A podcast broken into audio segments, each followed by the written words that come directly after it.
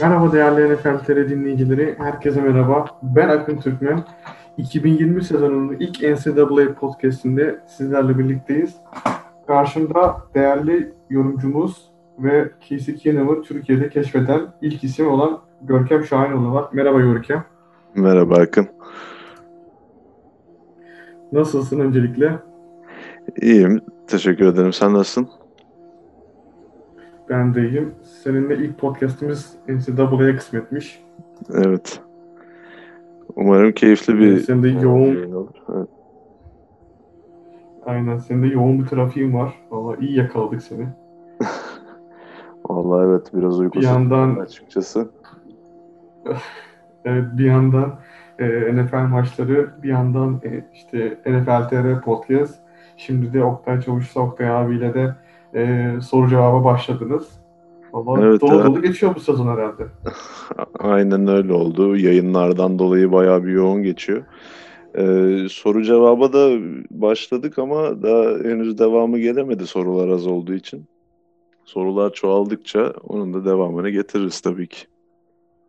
Bu bir sistem galiba. O zaman dinleyicilere de buradan söylüyoruz. Bol bol soru sorun. Yok sitem değil de yani şimdi soruyorlar soru cevap neden gelmiyor falan diye. Yani soru olmadığı zaman soru cevabın gelmesi çok mümkün değil. Evet, acaba onda mı şey yapsanız ya böyle e, Şahin e, Hilmi abi son bölümde diye böyle çarkı felek çeviriyoruz kim gelirse diye. Soru cevap da mı öyle olsa acaba? O- Bir gün senle Kaan, bir hafta sırayla dönüm böyle zaten. Dört kişi var yani. Evet olabilir tabii. Ee, peki biz o zaman asıl konumuza gelelim. Ee, bu NFL karmaşası içinde e, NCAA sezonu hakkında ne düşünüyorsun? Yani e, senin özelinde sezon nasıl geçti? Ya öncelikle tabii ki alışılagelmişin fazlasıyla e, dışında bir sezon gelişti. E, maalesef ki koronavirüs salgını neticesinde. E, NFL de bundan oldukça etkilendi ama NCAA'nin etkilenme boyutu biraz daha farklıydı tabii. E, çünkü her konferansın ayrı bir yönetimi olduğu için her konferans e, ortak bir karar alamadı sezon başında.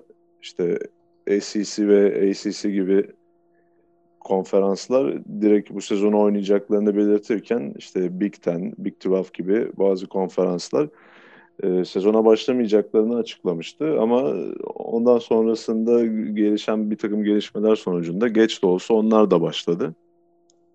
Ama tabii ertelenen bir sürü maç oldu. Konferans dışı maçlar e, çoğu konferansta oynanmadı konferans içi karşılaşmaların sayısı arttırıldı. Yani alışılagelmişin dışında bir sezon oldu bu sezon. Yani evet özellikle e, Big Ten'in başlamasıyla alakalı işte Ohio State oyuncularından bayağı sosyal medyadan e, tweetler, Instagram'dan storyler gelmişti. Hani oynamak istiyoruz, izin verin oynayalım gibisinden. E, onun dışında da sezon içinde de bayağı da maç ertelendi. Evet, özellikle Big Ten'de bayağı bir ertelenen karşılaşma gördük ki zaten sezona geç başladıkları için daha kısa bir e, fikstüre sahipti takımlar. Bu ertelenen maçlarda e, işin içine girince çok e, garip tablolar oluştu. Mesela 6-7 maçla sezonu bitiren takımlar oldu. Evet evet yani şeyi de hatırlıyorum mesela sezon içinde Clemson Tigers e, bir maça gitti soyunma odasından döndü. E, bir tane offensive lineman oyuncusunun pozitif çıkmasından dolayı Evet. böyle garip durumlar da yaşandı. Yani neyse ki biz playoff'lara kadar ulaştık diyelim buna da şükür.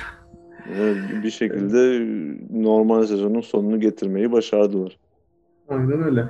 Peki bu playoff demişken bir sorum daha olacak sana. Şimdi e, geçtiğimiz hafta yanlış hatırlamıyorsam Aaron Rodgers da Patrick McAfee'nin e, şovunda açıklamıştı. Bu playoff takımlarının arttırılmasıyla ilgili. Bu konuda sen ne düşünüyorsun? Yani kesinlikle arttırılması gerekiyor bence de. Çünkü e, bu sezon e, 8. yılı olması lazım yanılmıyorsam playoff kolejdeki playoff sisteminin ve yani çok tahmin edilebilir bir yapıya büründü artık. Yani nasıl diyeyim bazı takımların yeri garanti gibi. Alabama ve Clemson her sene bu dörtlü içerisinde yer alıyorlar. Ee, buna Ohio State'in de fazlasıyla katıldığını e, göz önüne alırsak yani sadece bir, bir takım o da 2-3 senede bir değişmeye başladı. Yani çok tahmin edilebilir bir playoff oldu. E tabi bunda biraz NCAA'nin yapısının da ciddi bir payı var. Çünkü e, bu Power 5 dediğimiz 5 büyük konferansın yönetiminde oluyor genelde bütün her şey. E, bütün işte para akışı, reklamlar, güç bunu kaybetmek istemiyorlar doğal olarak. E tabii bu konferansın en güçlü takımlarının dışına da pek çıkamıyor. Yani bu sezon baktığımız zaman mesela Cincinnati e, namalip bir sezon geçirdi. İşte Coastal Carolina namalip bir sezon geçirdi ama bunlar e, beş büyük konferansta mücadele etmedikleri için bu playoff komitesi tarafından da çok dikkate alınmadılar. Yani onların yerine sadece 6 maç oynayan Ohio State tercih edildi ya da konferansının şampiyonluk maçını kaybeden Notre Dame tercih edildi.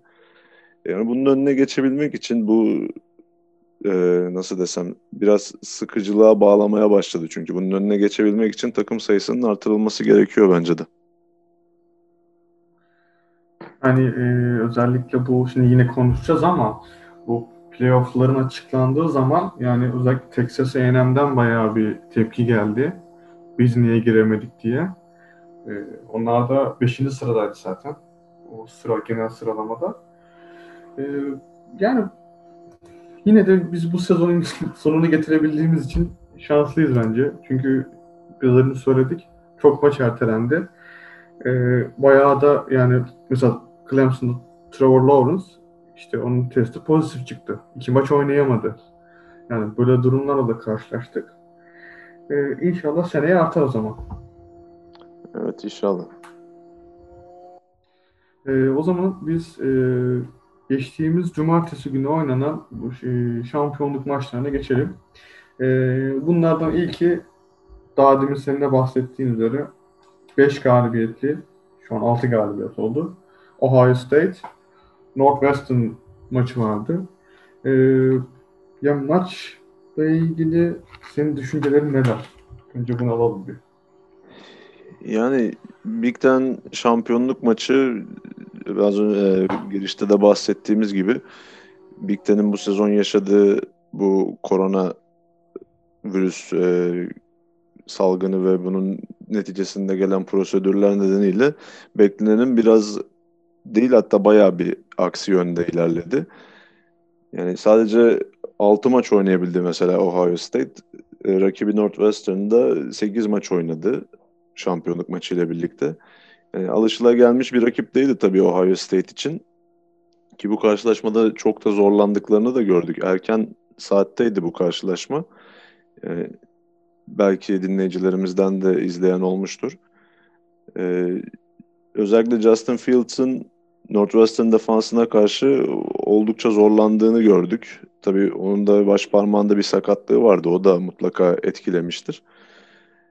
Ancak e, Oklahoma'dan transfer gelen bu sezon Trey Sermon'ın e, tarihe geçen bir performansı vardı bu karşılaşmada. 331 yard koşarak Ohio State rekorunu kırdı bir maçta en çok koşan running back olma rekorunu.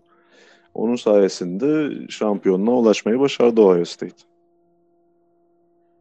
Evet. E, şey demişken de e, rekor demişken de NFL, şey, NCAA'de bir maçta en fazla koşan kişi kim biliyor musun? Ee, Simaji Pirayn'dı sanırım. Evet, evet. 427 Mel- yaptı. Melvin, Melvin Gordon'ın rekorunu kırmıştı. Yani onun rekorunu bu sene biri daha kırdı. Buffalo running back'i Jared Patterson. Ha, 409 yard koştu o da. evet evet. Ya. Şimdi sen söyleyince hatırladım. Yanlış hatırlamıyorsun. Evet, 8 taştan yapmıştı galiba o maçta da. Bayağı bir dolu geçmişti. Aynen. Ee, ya tekrar buna dönecek olursak ben mesela burada e, Chris Olave bu maçta sakatlığından dolayı yoktu. E, sence Justin Fields'ın pas oyunları bu yüzden de etkilenmiş olabilir mi? Ya kesinlikle Ohio State'in bu karşılaşmada sadece Ol- Olave dışında da bir sürü eksiği vardı. E, pozitif testler ve bu pozitif e, testlere yakın temastan dolayı neredeyse 18-19 tane oyuncusundan faydalanamadı bu karşılaşmada Ohio State.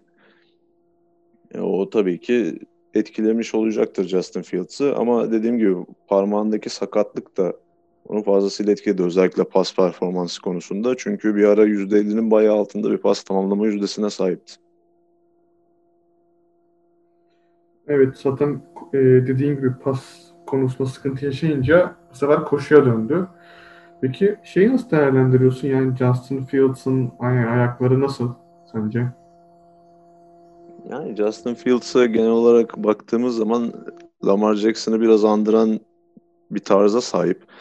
Yani Lamar Jackson kadar yani Lamar Jackson'ın Louisville'de olduğu zamanki kadar iyi koşmuyor ya da onun kadar koşuyu kullanmıyor.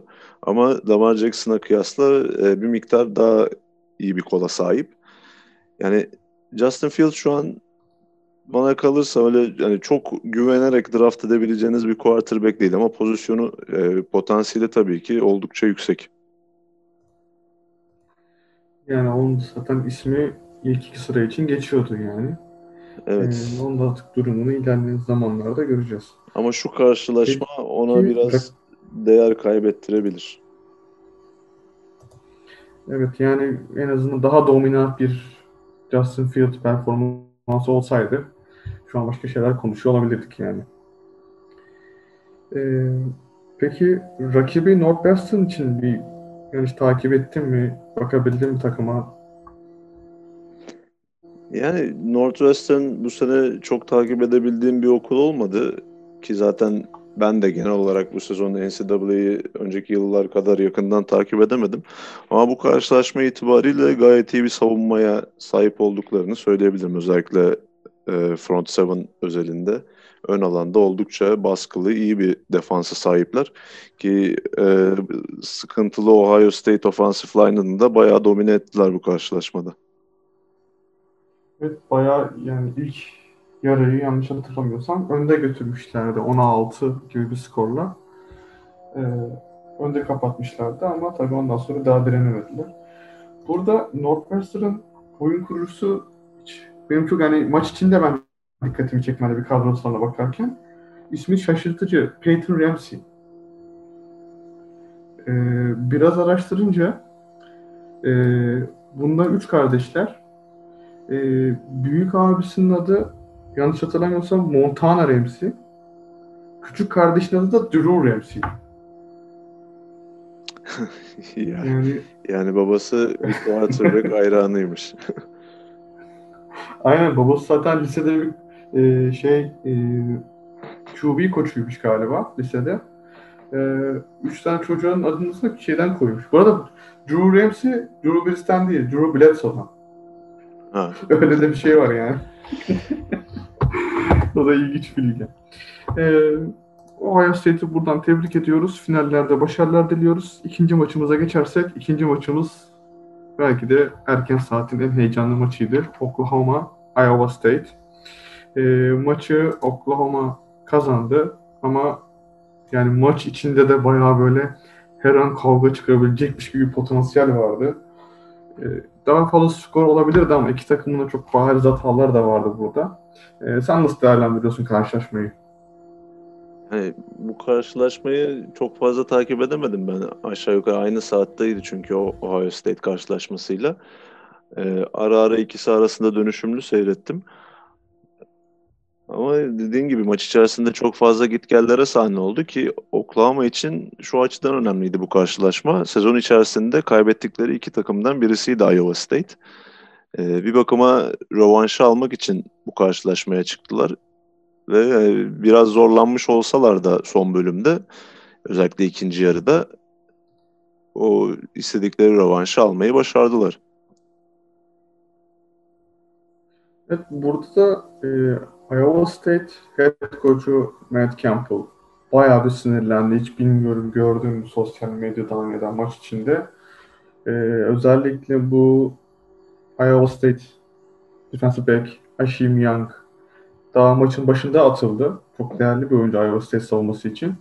Ondan sonra bir ipler koptu maçta.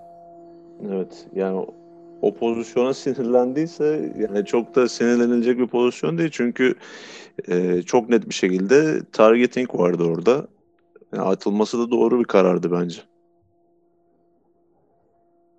Evet yani Aşimyak da o de, savunma için değerli. Peki e, yani şimdi Oklahoma son yıllarda çıkardığı oyun kurucularla hem NFL'i renklendirdi hem de NCAA'yı renklendirdi.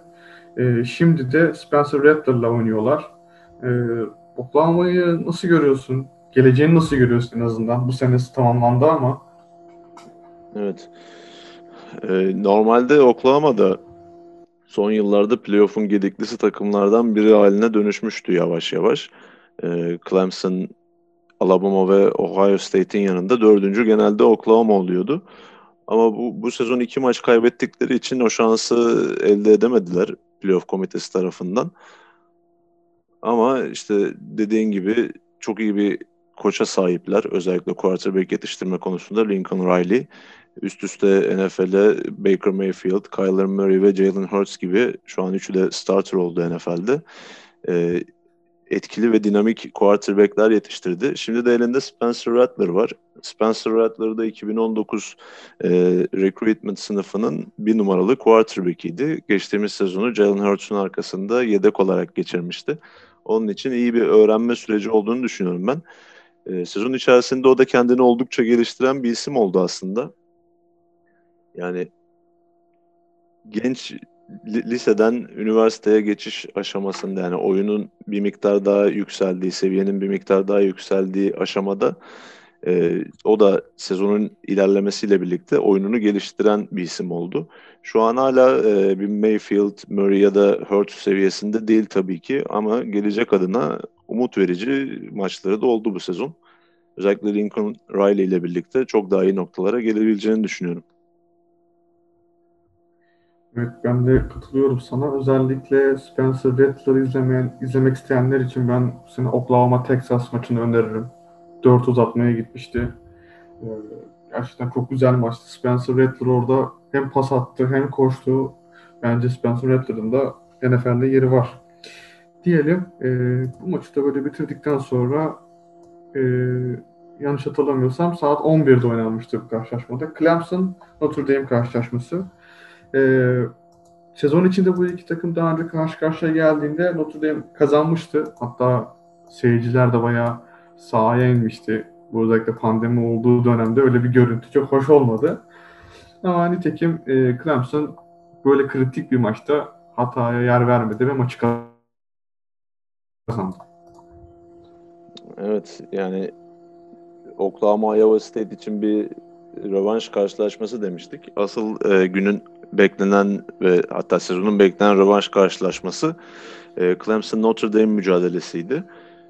E, çünkü senin de bahsettiğin gibi Notre Dame iki uzatmaya gitmişti yanılmıyorsam o karşılaşma. Trevor Lawrence'ın Covid pozitif nedeniyle forma giyemediği karşılaşmada Clemson'ı mağlup ederek e, normal sezondaki ilk yenilgisini tattırmıştı onlara ki uzun bir süredir normal sezonlarda maç kaybetmeyen bir takımdı Clemson.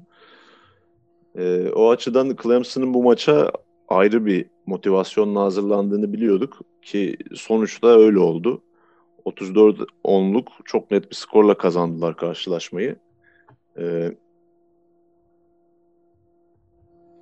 Trevor Lawrence'ın 322 yardı ve iki taştan pası vardı bu karşılaşmada.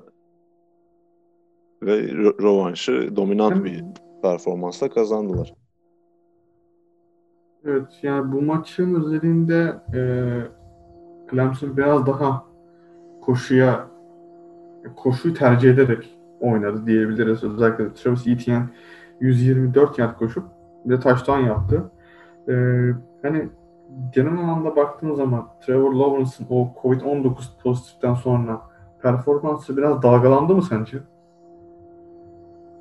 Yani ben çok dalgalandığını düşünmüyorum aslında. Sadece e, o kaçırdığı iki karşılaşma Boston College ve Notre Dame karşılaşmaları nedeniyle belki e, Heisman yarışında bir darbe almış olabilir. Çünkü istatistiklerinin biraz geride kalması neden oldu bu kaçırdığı iki, iki karşılaşma.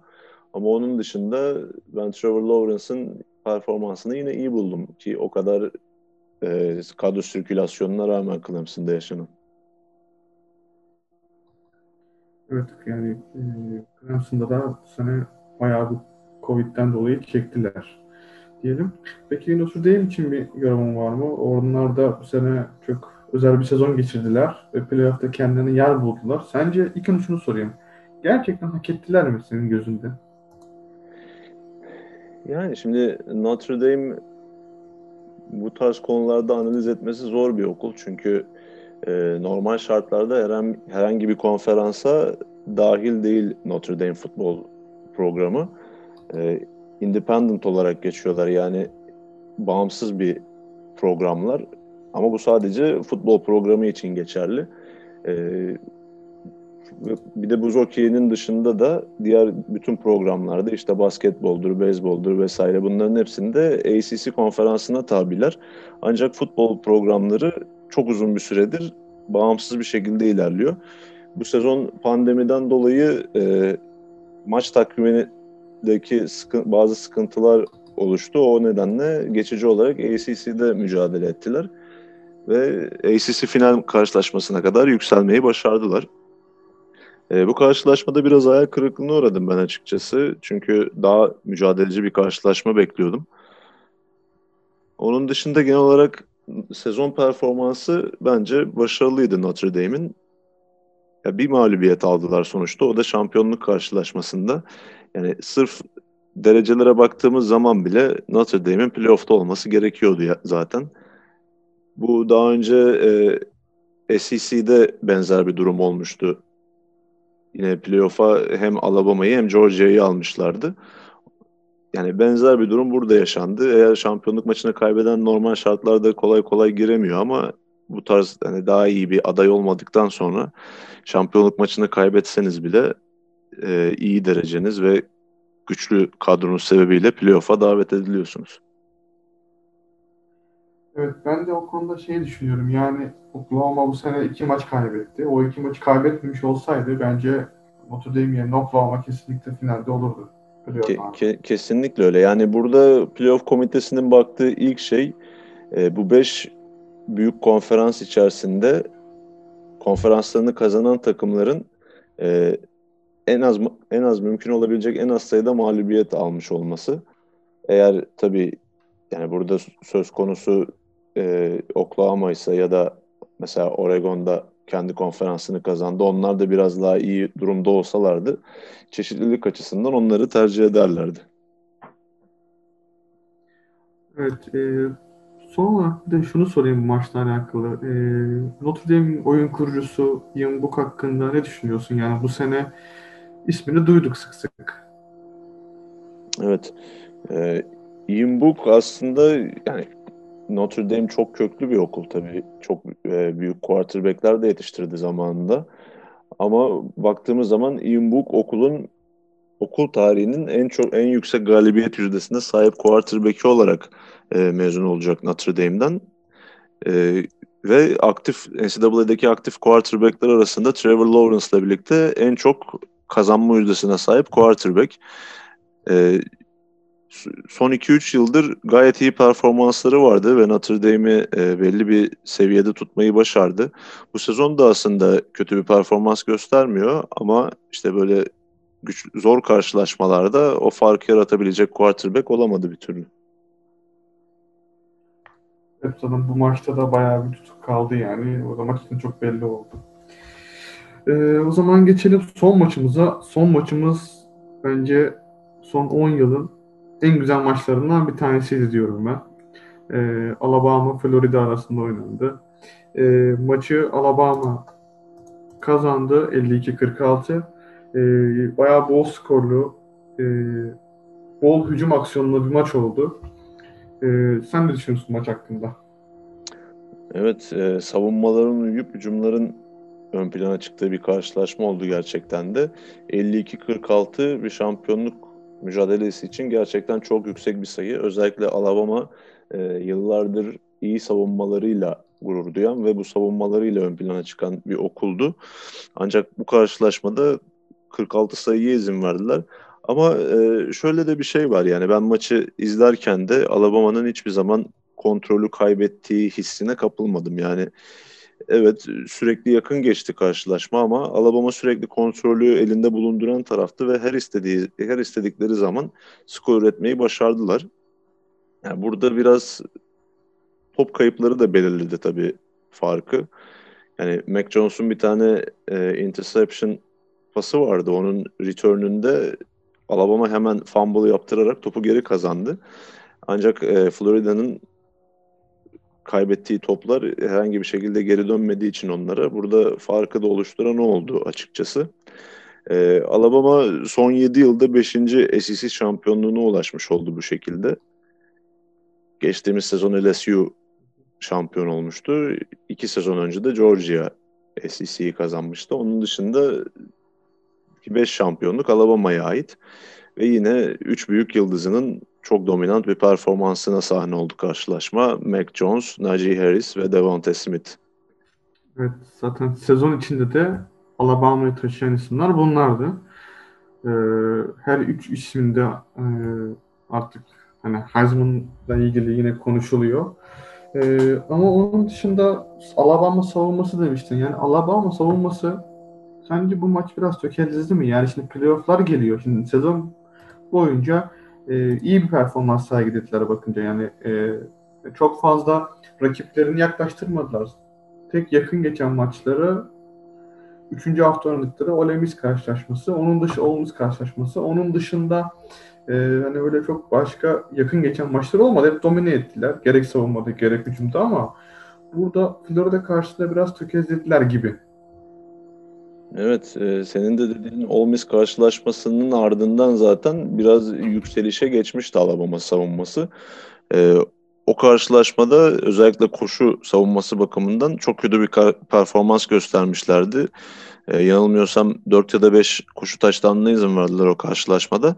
Ancak onun ardından gayet yükselen bir savunma performansı vardı. Ama Florida tabii biraz uç bir örnek olacak onlar için. Çünkü e, belki de Alabama'nın ardından en yüksek hücum gücüne sahip takımların başında geliyordu Florida. Özellikle e, quarterback'leri Trask, tight end'leri Pitts ve e, wide receiver Tooney durdurulması çok zor isimlerdi ki Alabama'da bunlar bunları savunma konusunda bayağı sıkıntılar yaşadı. Yani o açıdan Florida çok e, güzel bir test onlar için ama playofflarda Florida seviyesine çıkabilecek e, bir hücum takımı olduğunu zannetmiyorum ben. Clemson'da dahil buna. Yani tabii Florida'nın da en büyük eksiği savunmaydı. Yani belki savunmada biraz daha e, Naci Harris'i durdurabilselerdi. Gerçi o nasıl bir şey olacaksa o da belki imkansız gözüküyor. Evet. Atmaya götürebilirlerdi maçı. Ee, bu bu maçla da birlikte e, playoff takvimi de oluşmuş oldu. E, onu da hemen e, aktaracak olursak sizlere ilk karşılaşma Alabama Notre Dame arasında, ikincisi de Clemson Ohio State arasında. E, playoff tabii ki kimi, hangi, kim, hangi takımın şansı daha yüksek sence? Nasıl bir e, yarı final karşılaşmaları izleriz? Yani sezon geneline baktığımızda e, daha önceki sezonların aksine çok net bir şekilde bir favori olduğunu düşünüyorum ben bu sezon. Yani hatta bu sezon playoff yapılmasa bile daha mantıklı olurdu bence. Çünkü e, Notre Dame ve Ohio State buraya figüran olarak geldiler bana kalırsa. E, direkt BCS zamanını direkt BCS zamanına dönüp tek bir final maçıyla işi bitirebilirlerdi Alabama ve Clemson arasında oynanacak. Ee, yani çünkü çok ciddi güç farkı var diğer okullarla bu iki okul arasında. Yani eğer Ohio State normal bir sezon geçirmiş olsaydı bu ikiliye rakip olabilirdi belki bir derece. Ama e, şu an bulundukları yani son verdikleri görüntü bu rakip olmak konusunda çok uzak olduklarını gösteriyor bana. Yani benim favorim sezonu da bir numara olarak kapatan Alabama tabii ki de. Ama Clemson'da e, Trevor Lawrence faktörüyle her an her şeyi yapabilecek konumda. Sen sanırım Notre Dame'in yani evet, Ohio State'in şansını da yüksek görüyorsun. Yani top yuvarlaktır diyeceğim olmayacak. Yuvarlak da değil top ama yani ben Justin Justin Fields'ı yani, yani geçen sene de gerçekten iyi oynamıştı. Ee, yani ciddi bir potansiyeli olduğunu düşünüyorum. Hani biraz geride kalıyor. Alabama takımı bana çok iyi bir takım. E, Clemson'a baktığımızda da orada da yine sağlam parçalar var ama Trevor Lawrence gerçekten çok büyük bir faktör. Yani e, oyun bilgisi olsun, kol gücü olsun çok özel bir oyuncu. E, ama Justin Fields'ın da bunlarla geri kalır bir yanı yok diye düşünüyorum ama e, yani son maçlar işte bu Championship maçları biraz kafamda da soru işareti bıraktırdı açıkçası. Yani e, belki Clemson maçı ilk yarıdan bile koparabilir Ohio State karşısında. Ama Alabama bence rahat geçer. E, Notre Dame'i finaldeki rakibini bekler diye düşünüyorum. E, tabii bu da Florida'ya ben üzüldüm açıkçası. Yani Florida'da Kyle Trask mesela çok özel bir sezon geçirdi. Bence Evet yani Hatta şöyle istatistiklerine kursak istatistiklere bakıyorum şu an. Ha. 4125 yard pas atmış. 43 touchdown pası. Ve sadece 5 interception. Yani sezon başında beklen beklendiği üzere Kyle Trask zaten ciddi bir Heisman adayı olması bekleniyordu. Ve onu karşılar şekilde bir sezon geçirdi ama tabii Florida'nın işini bitiren e, iki hafta önce çok kötü durumdaki LSU'ya kaybetmeleri oldu. Eğer o maçı kaybetmemiş olsalar e, Alabama'ya kaybetmelerine rağmen bir şekilde Notre Dame'in yerine playoff'a kalabilirlerdi. Ancak o karşılaşma ile birlikte playoff şansları da bitmiş oldu. E, playoff'a gidip... LSU da bu sene gerçekten evet. LSU demiş ki LSU da bu sene gerçekten bayağı bir çöküşte yani 14 oyuncusunu NFL'e gönderdi. E, ofansif koordinatörünü NFL'e gönderdi. Savunma koordinatörü de herhalde başka bir okulda head coach oldu. Evet. Diyebiliyorum. Bayağı dağıldılar yani. Yani o geçen sezonki LSU takımı çok özel bir takımdı gerçekten. Ee, belki de tarihin en dominant performanslarından birini göstererek, belki de en dominantını göstererek çok e, rahat bir şekilde diyeyim şampiyonluğu kazanmıştı. Yani LSU'nun bir daha tarihinde bu tarz bir performans gösterme ihtimali bile çok düşükken e, devam eden sezonda yine benzer bir performans beklemek haksızlık olurdu tabii ama bu kadar ciddi bir çöküş yaşamalarını da beklemiyorduk. Evet, o da ciddi bir zaten oyun kurduğu sorunu var yani. yani bir Joe evet, sonra Joe, Joe Burrow'un ardından e, orada biraz sıkıntı yaşadılar ama Max Johnson son haftalarda sanki o e, aradıkları oyuncu olma ışığını verdi. O da gelecek senelerde de ona bakacağız.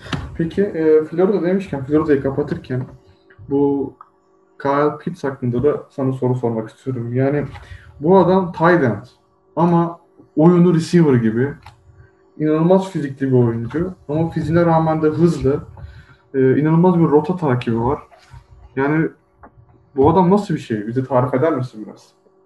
Yani Kyle Pitts'i izlerken sanki Darren Waller'ı izliyormuş gibi oluyorum ben yani bilmiyorum katılır mısın da. Güzel benzetme. Evet, evet. çok güzel benzetme. Dediğin gibi yani tight end olmasına rağmen tamamen bir receiver hani fizikli bir receiver size'ına sahip ve receiver özellikleri tight end özelliklerinden çok daha üstün durumda. Ee, ki bu sezon ne kadar SEC gibi çok üst düzey bir konferansı ne kadar domine ettiğini de görmüş olduk. Resmen savunulamaz bir oyuncuydu.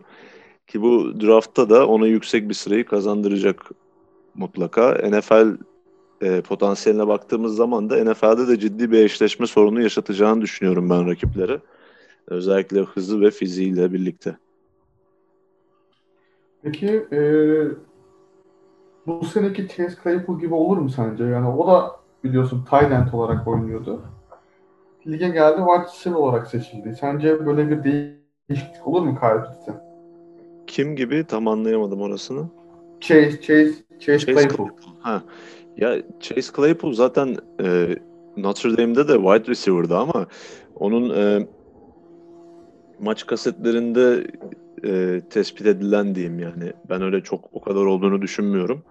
E, bir receiver'a göre fazla hantal yargıları onu NFL'de tight end olarak e, kullanılacağına dair söylentilere yol açmıştı ama e, Scouting Combine'da da gösterdiği üzere yani çok çabuk ve hızlı bir oyuncu Claypool ki NFL'de de wide receiver olarak devam ediyor. Ya Pitts için receiver olacağını düşünmüyorum NFL'de çünkü e, Pitts'i sahanın ortasından alıp kenara yani bir wide receiver X ya da Z pozisyonuna koyarsanız onun e, şeyini nasıl diyeyim o ters eşleşme avantajını elinden almış olursunuz. Yani tight end olarak kullanılırsa çok daha tehlikeli olur rakip defanslar için. Evet yani zaten fizikli de bir oyuncu aslında. E, blok da yapabiliyor. E, ama tabii bu özellikle en sonda yani o gayet üretken bir oyun oynaması acaba receiver mı ol, olabilir mi acaba diye sorularını da peşine getirmişti. Ee, bunun dışında peki daha demin Heisman'dan bahsettik. Heisman olarak bu sene senin gördüğün adaylar kimler? Yani kim önde e, ya da kim sene sürpriz yapacak isim var mı sence? Yani şimdi Heisman genelde bir quarterback ödülü olarak geçiyor. Geçtiğimiz yıllara da baktığımız zaman evet genelde quarterbacklere verilen bir ödül ve istatistiği en çok yani etkileyici olan nasıl diyeyim sağdaki etkisinin yanı sıra istatistik kağıdının da dolu olması gerekiyor Heisman'ı kazanacak oyun kurucunun yani genel oyuncunun. E, bu sezon bu konuda bu olayda biraz farklılık görebiliriz. Çünkü Devante Smith gerçekten çok özel bir sezon geçirdi Alabama receiver'ı. E, kısa olan normal maç sayısından daha az oynanan sezona rağmen çok etkileyici istatistiklere sahip. E, 1511 receiving yardı ve 98 pas yakalaması FBS'te birinci sırada bu alanlarda. E, 17 touchdown'uyla da ikinci sırada yer alıyor. Yani bu sezon e, bir wide receiver'ın kazandığını görürsek şaşırmamak gerekiyor bence. Ki ben fazlasıyla da hak ettiğini düşünüyorum ben Devante Smith. Yani benim de açıkçası favorim Devante Smith yani e, e, tabii keşke bu Heisman şey olmasa yani sürekli oyun kurucuya verilmese yani. Ama dediğin gibi istatistik kağıtlarını kim dolduruyorsa daha çok ona veriliyor. Ee, tabii onun dışında peki QB dışından başladık. QB dışından devam edelim. Başka aklına gelen aday var mı senin için? Yani quarterback dışında e, Devante Smith ön plana çıkıyor. Onun dışındaki diğer e, adayların çoğu bana kalırsa QB olacak. Najee Harris çok dominant bir Najee Harris. geçirdi. Evet ama e, Najee Harris'in yanında mesela eğer Najee Harris'i denkleme katacaksanız North Carolina'dan Javante e, Williams'ı da katmanız gerekiyor. Çünkü o da çok e, üst düzey bir running back performansı gösterdi bu sezon. Yani running back'ler biraz e, nasıl diyeyim tartışma yaratabiliyor bu ödül konusunda. Tek bir tane dominant running back olması gerekiyor bana kalırsa. Yani Najee Harris kesinlikle hak ediyor ama burada quarterback'lerin bir adım daha önde olduğunu düşünüyorum ondan. Özellikle e, yine Alabama'dan takım arkadaşım Mac Jones burada ciddi bir aday olabilir. E, Smith'in bu performansı dolayısıyla e, doğal olarak Mac Jones'a da yansıdı. E, yine Trevor Lawrence ciddi bir aday iki maç kaçırmış olmasına rağmen ki hatta Debo Sweeney'e bu konu sorulduğunda şu şekilde cevap vermiş. Yani Trevor Lawrence sizce hak ediyor mu Heisman'ı diye. Heisman bence Trevor Lawrence hak ediyor diyor Debo Swinney. Yani bir bakıma haklı. Çünkü Trevor Lawrence baktığımız zaman NCAA'deki en değerli oyuncu ve bu ödül en değerli oyuncuya veriliyorsa Lawrence'dan e, daha doğal bir aday yok bunun için ama tabii az önce de dediğim gibi sadece takım için en değerli olmak yetmiyor. Biraz e, istatistik kağıdına doldurmanız gerekiyor. Bu açıdan Devontae Smith bana kalırsa en uygun aday.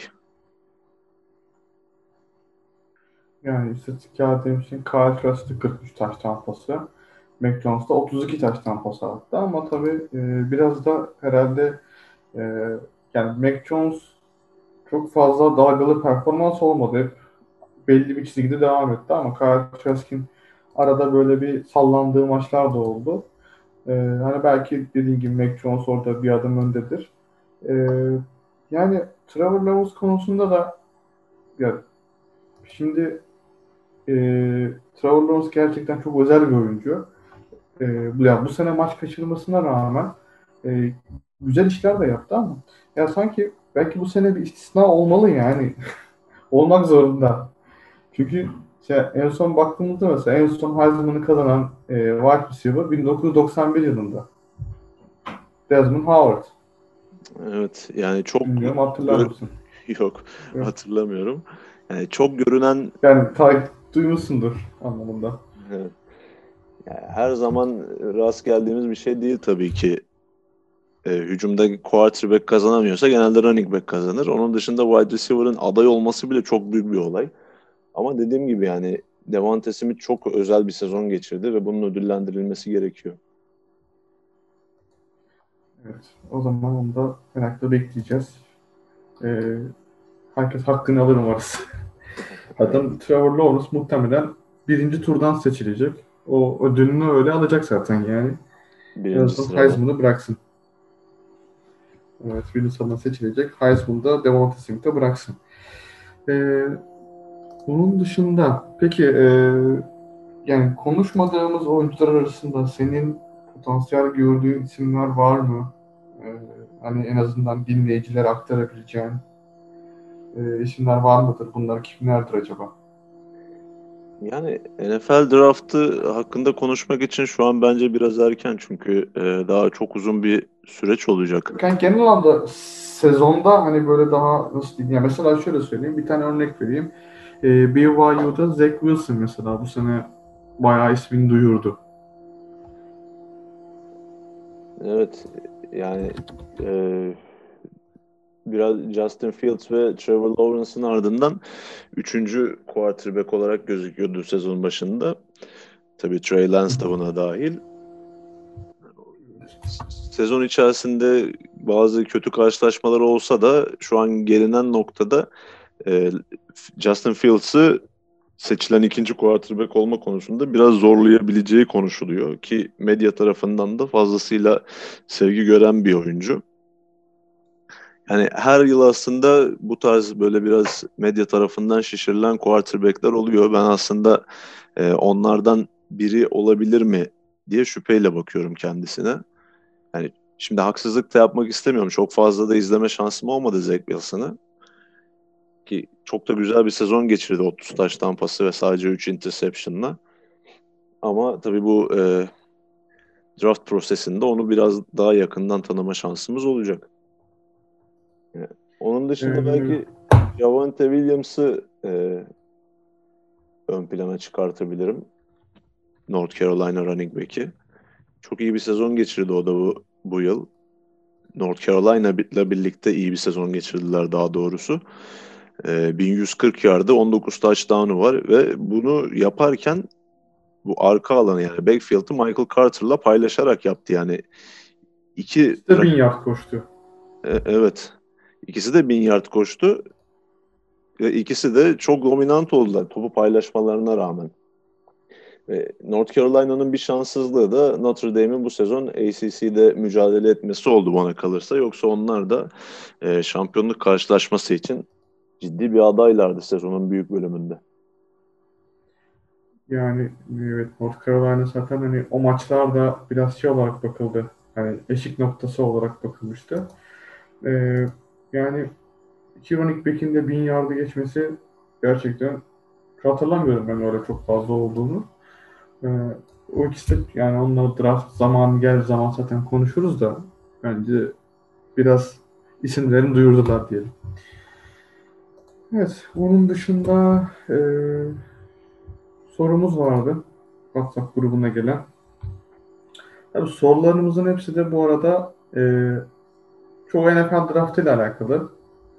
Onu da söyleyeyim. Konuşmak için biraz erken olacak ama e, sorudur diyelim. E, ilk sorumuz Orhun Yılmaz'dan geliyor. E, ben bu sene starter olan Spencer Rattler hakkında ne düşünüyorsunuz? Onu merak ediyorum demiş. Kendisini Netflix'teki diziden beri takip ediyorum. E, beklentileri karşılayabilecek gibi duruyor mu sizce? Yani e, Oklahoma'dan bahsettiğimiz bölümde biraz kendisine değindik aslında. E, yeteneği kesinlikle olan bir quarterback. Sonuçta e, tüm ülkede 2019 yılında bir numaralı quarterback olarak e, recruit edilmiş bir oyuncudan bahsediyoruz. E, tabii lisede bazı e, sıkıntıları oldu sağ dışında. Ama e, Lincoln, Lincoln Riley dediğim gibi çok özel bir quarterback gurusu. Yani eğer Radley bir üst seviyeye ve kendinden önceki Oklahoma quarterbackleri gibi e, NFL yıldızlığına doğru ilerlemek istiyorsa kesinlikle çalışması gereken isimle çalışıyor.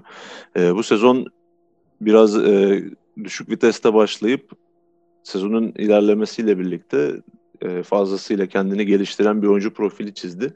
Ve önümüzdeki sezon için fazlasıyla ışık verdi. Yani evet o konuda yani Lincoln Riley benim için niye özel bir koç? Çünkü şöyle şimdi Baker Mayfield'ın oyuncu profiline baktığımızda Baker mobil, mobilitesi biraz daha az bir oyuncu ama ondan sonra Kyler Murray ve Jalen Hurts yani dual threat dediğimiz ikisinde de yani hem koşabiliyor hem pas atabiliyor. Şimdi Spencer Rattler da sezona biraz böyle işte pas atarak başladı. İlk dört taş tane vardı ilk maçında. Ondan sonra yavaş yavaş koşuyu tercih etti. Yani Spencer Rattler'ın da ben Lincoln Riley elinde yani böyle böyle bir Jalen Hurts ya da Kyler Murray tarzında bir oyuncuya dönüşebileceğini düşünüyorum. Kesinlikle koşu tehdidi her zaman olan bir oyuncu ama işte e, daha yeni yeni kendi özelliklerini de keşfetmeye başlıyor. Çünkü e, lise ile NCAA arasında gerçekten fark var. Yani NCAA ile NFL arasındaki fark kadar olmasa da oyunu şu an hala öğrenme aşamasında Radley.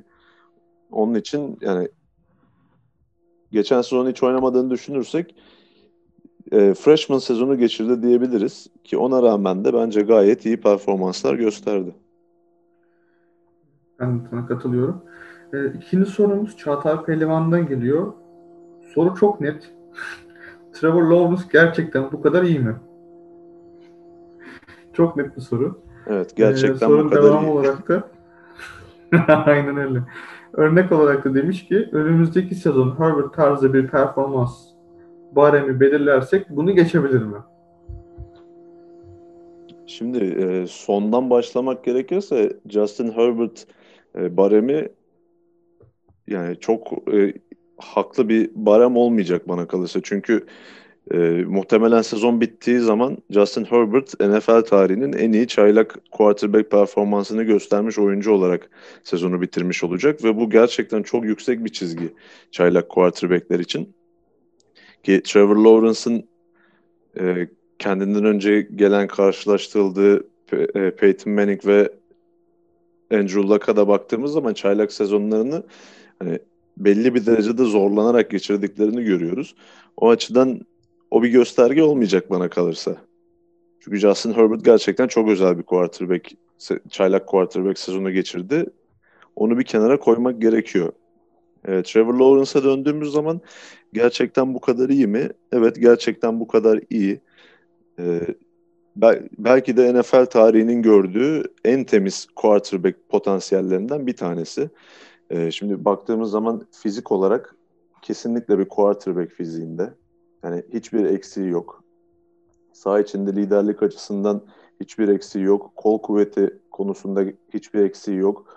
Ee, oyunu okuma ve mental açıdan bir eksiği yok. Hepsini geçtim sağ dışında bile çok temiz bir oyuncu. Bu konuda da bir eksiği yok. Yani baktığımız zaman gerçekten dört dörtlük bir quarterback potansiyelinden bahsediyoruz. Ki daha lisede oynarken Trevor Lawrence NFL'de birinci sıradan seçilmesi beklenen bir oyuncuydu. Clemson'a geldi.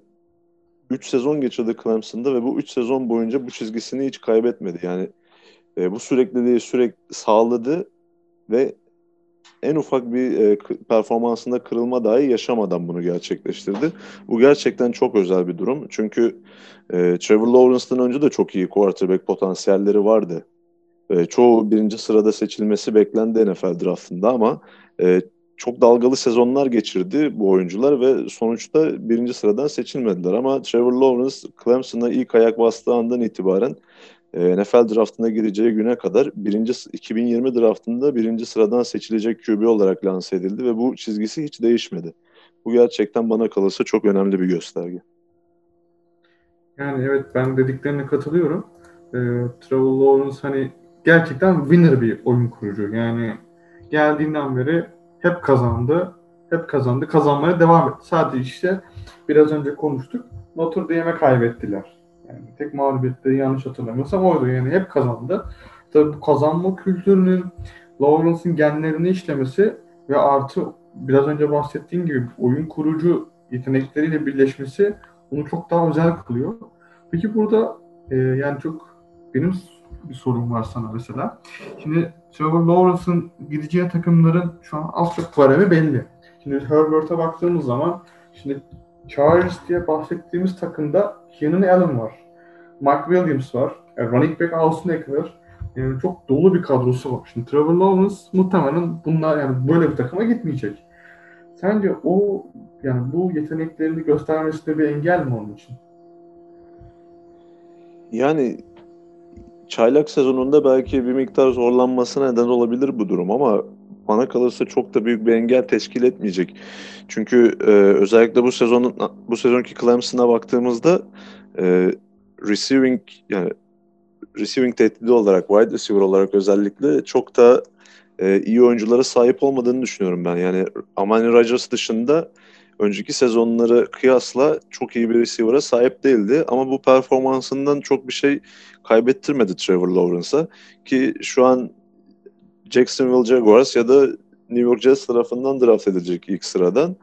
Ve bu iki takıma da baktığımızda mesela Jacksonville Jaguars'ta DJ Chark gibi işte Laviska Shenault gibi iyi receiver'lar var. Ki öte yandan Jets'te de Denzel Mims ve Jameson Crowder iyi quarterback'lerle iyi performans verebilecek receiver'lar. Yani receiver açısından çok sıkıntı yaşayacağını düşünmüyorum ben Lawrence'ın.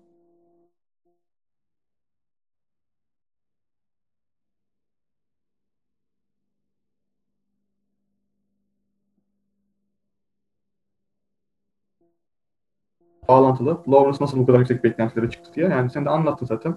E, liseden beri bu adamın ilk tur yani ilk sıra seçimi olacağı konuşuluyordu. Evet. E, son sorumuza geçersek son sorumuzda direkt bir takım sorusuyla alakalı. E, Ahmet Serkan sormuş. Dallas Cowboys cornerback baksa Görkem hocam bu sene kimi draft ederdi? Direkt NFL şey NFL draft sorusu. Evet. Yani dediğim gibi şu an bunları hani bunu konuşmak için fazlasıyla erken. Çünkü hangi cornerback'lerin drafta gireceği bile daha kesin değil. Yani tabii bazı isimlerin kesin gireceğini tahmin ediyoruz ama daha kesin isimler verilmedi. Oyuncular hani drafta girip girmeyeceklerini net olarak beyan etmediler. O açıdan bile şu an yorum yapmak bu konuda erken olur bence. Ama illa bir isim vermek gerekirse e, Alabama cornerback'i Patrick Surtain benim e, yıllardır Alabama, Alabama'da çok beğendiğim bir cornerback. E, Dallas'ta e, iyi bir oyuncuya dönüşebilir.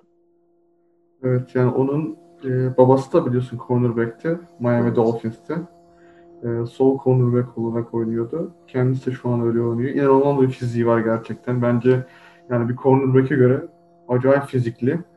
E, yani ilk tur seçimi olacak garanti gibi duruyor şu anda. Ama dediğin gibi konuşmak için şu an çok erken. Ee, sorularımız bu kadardı. Şu an tabii herkesin aklı fikri şu an draftta özellikle işte kendi takım, herkesin kendi takımı kötü gittiği için bir şekilde hamle yapmaya çalışıyor. Sezonu biten takım ee, taraftarları doğal olarak bu zamanlarda drafta yönelmeye başlıyor. Aynen öyle. Ama hani e, biraz yine tekrar olacak ama başta da belirttiğimiz gibi geçen sene bir Joe Burrow fırtınasından sonra bu sene yani benim için sezon biraz durgun geçti. Yani hani kendi özelimde konuşacak olursam hani bu sene tabii Alabama'yı, Clemson'ı, Ohio State'i takip ettim ama yani bunun dışında ekstra baktığım takım Miami Hurricanes'e biraz bakmıştım. Ee, LSU'ya baktım. Onlarda bu sene bir iş yok. Ee, Georgia'ya baktım aynı şekilde. Onlar da oyun kurucusunu ve running back'ini kaybettikten sonra bir sıkıntılı döneme girdiler. Ee, tabii ha, şunu sorayım sana. Ee, geçtiğimiz hafta hiç hatırlamıyorsam bu recruiting oldu. Yani liseden oyuncular e, kolejlerini seçtiler. Orada e, şu an işte ilk 6'da bulunan yani kaçın 6'daydı galiba. Evet Iowa State hiç 5 yıldız oyuncu seçemedi. Yani hiç 5 yıldız oyuncu seçmedi diyelim. Yani bunu neye bağlıyorsun sen?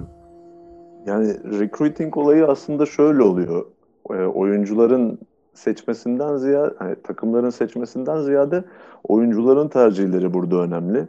Yani takımlar tabii ki oyunculara e, isteklerini belirten o mektupları yolluyorlar ama e, sonuçta son karar oyuncuya kalıyor ve işte Alabama gibi, Clemson gibi, Oklahoma gibi, Ohio State gibi, işte Florida gibi e, NCAA'nin devleri sizi istediği zaman diğer okullara gitmeniz çok da olası olmuyor açıkçası. E, recruiting olayı başlı başına farklı bir mevzu. Çünkü burada e, belli başlı bazı koçların çok e, büyük etkiye sahip olduğunu da biliyoruz. İşte Dabo Swinney gibi ve Nick Saban gibi. Ki Trevor Lawrence hakkında da şöyle bir olay var aslında. E, lisedeki daha ikinci yılında Clemson'a gideceğine dair Clemson'la anlaşıyor Trevor Lawrence. Ama e, Alabama ve Nick Saban bu bu gelişmenin ardından dahi umudunu kesmeyip sürekli onun kararını değiştirmek için Trevor Lawrence'ı kovalamaya devam ediyorlar. Yani son ana kadar burada kararlarını değiştirebiliyor tabii ki oyuncular. O açıdan yani recruiting'de biraz e, okul ismi ve koçların verdiği güven belirleyici faktör olabiliyor. Ya aynen ben de kesinlikle yani koç iş orada koçta bitiyor yani. Şimdi atıyorum Nick Saban sizi çağırıyorsa yani sizle konuşuyorsa ister istemez Alabama 5-10 adam önde olmuş oluyor.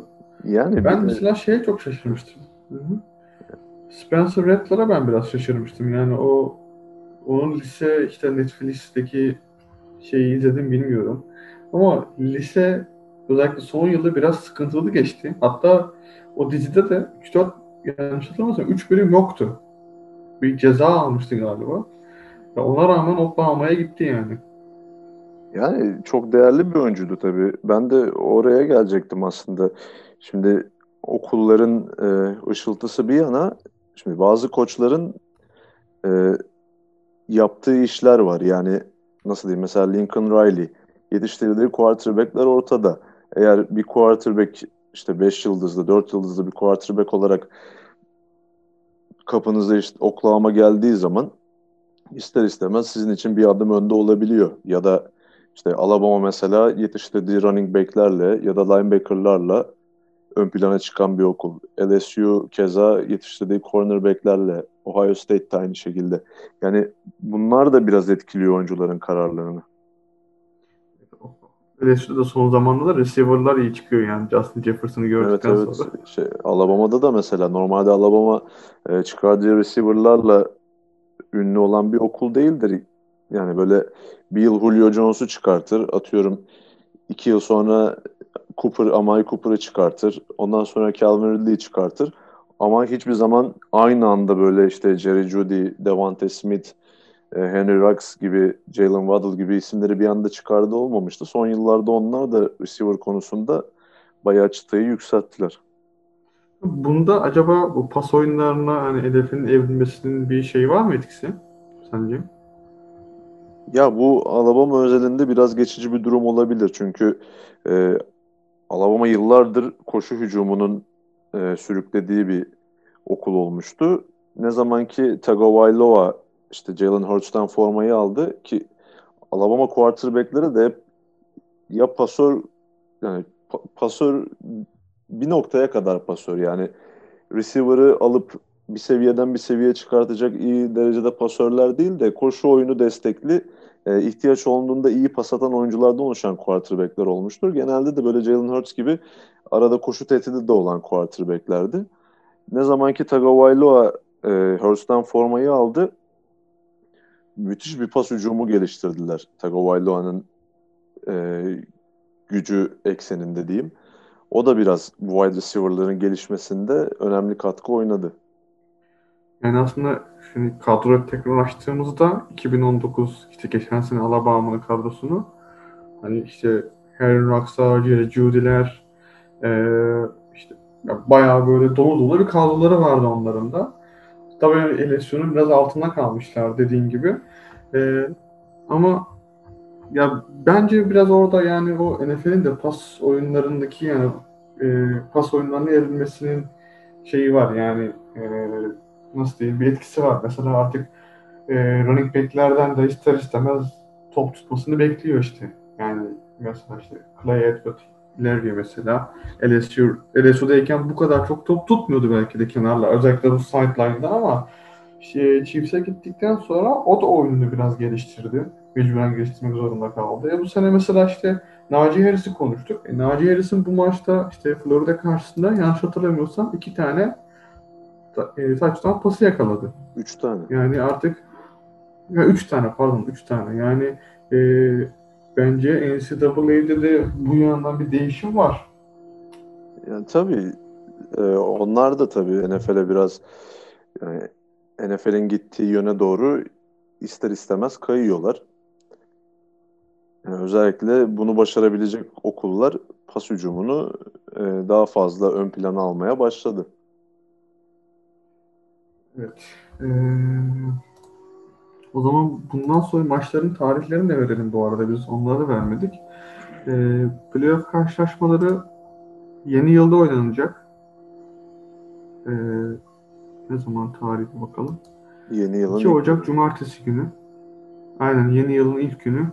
Ee, şeyleri başladı. Onun dışında bol maçlarımız var ama onlar da onlara da girmeye şu an gerek yok. Ee, orada da birçok oyuncu katılmayacak onlara da. İşte örneğin Kyle Pitts e, drafta hazırlanacağını söyledi. O bol maçında oynamayacak mesela Florida Florida'da. Ama bu şekilde. Yani oyuncuların katılmaması daha önce de karşılaştığımız beklenen bir durum ama e, bu sezon oyuncuların dışında bazı okulların da bowl maçlarını opt-out ettiklerine şahit oluyoruz. Yani bowl karşılaşmaları oynamayacaklarını beyan ettiler. Özellikle Pac-12'de e, iki takım haricinde bütün konferans bowl maçlarına katılmayacaklarını açıkladı. Buna USC de dahil, USC, UCLA gibi e, Carolina Üniversitesi gibi pardon Kaliforniya Üniversitesi gibi köklü NCAA okulları da dahil. O açıdan da yine enteresan bir NCAA sezonu oldu. Evet, seneye herhalde protokolleri biraz daha genişletirlerse e, her takım eşit derecede mücadele eder diye düşünüyorum. E, seneye inşallah galip, uğraşmayız beş... yani. Protokolleri geçtim. Ya tabii o da öyle de. Aynen yani NFL nasıl devam ettiyse bir şekilde şu an e, kör tabal sezonu tamamlıyorsa NCAA'de yine tam maçlarını oynayarak dolu dolu bir konferans maçlarıyla sezonu tamamlar da bir de bu playoff'un da geçen artması lazım yani sadece dört takım çok yetersiz yani. Ee, orada Kesinlikle ayrı bir şey var. O zaman e, teşekkür ederim tekrardan bu yoğun takviminde bize şey ayırdığın için. ne demek ben teşekkür ederim. Ee, artık ilerleyen bölümlerde de e, draftla ilgili de konuşmak için erken ama en azından bir e, şeyi görmek lazım. Normal sezonu bitirmek lazım NFL'de de. Ondan sonra her şey bir netleşecek gibi. Tabii bundan sonra artık draft sezonuna giriyoruz yavaş yavaş ve NCAA üzerine podcastlerimiz devam edecek. E, drafta yönelik özellikle draft zamanı yaklaştıkça yine e, NCAA ve draft konuşmaya devam edeceğiz. O zaman sorularımız artar diye düşünüyorum zaten. Aynen öyle. Ben teşekkür ederim. Ben teşekkür ederim. Ee, görüşmek üzere. Kendinize iyi bakın. Hoşçakalın. Bad boys, bad boys, what you gonna do? What you gonna do?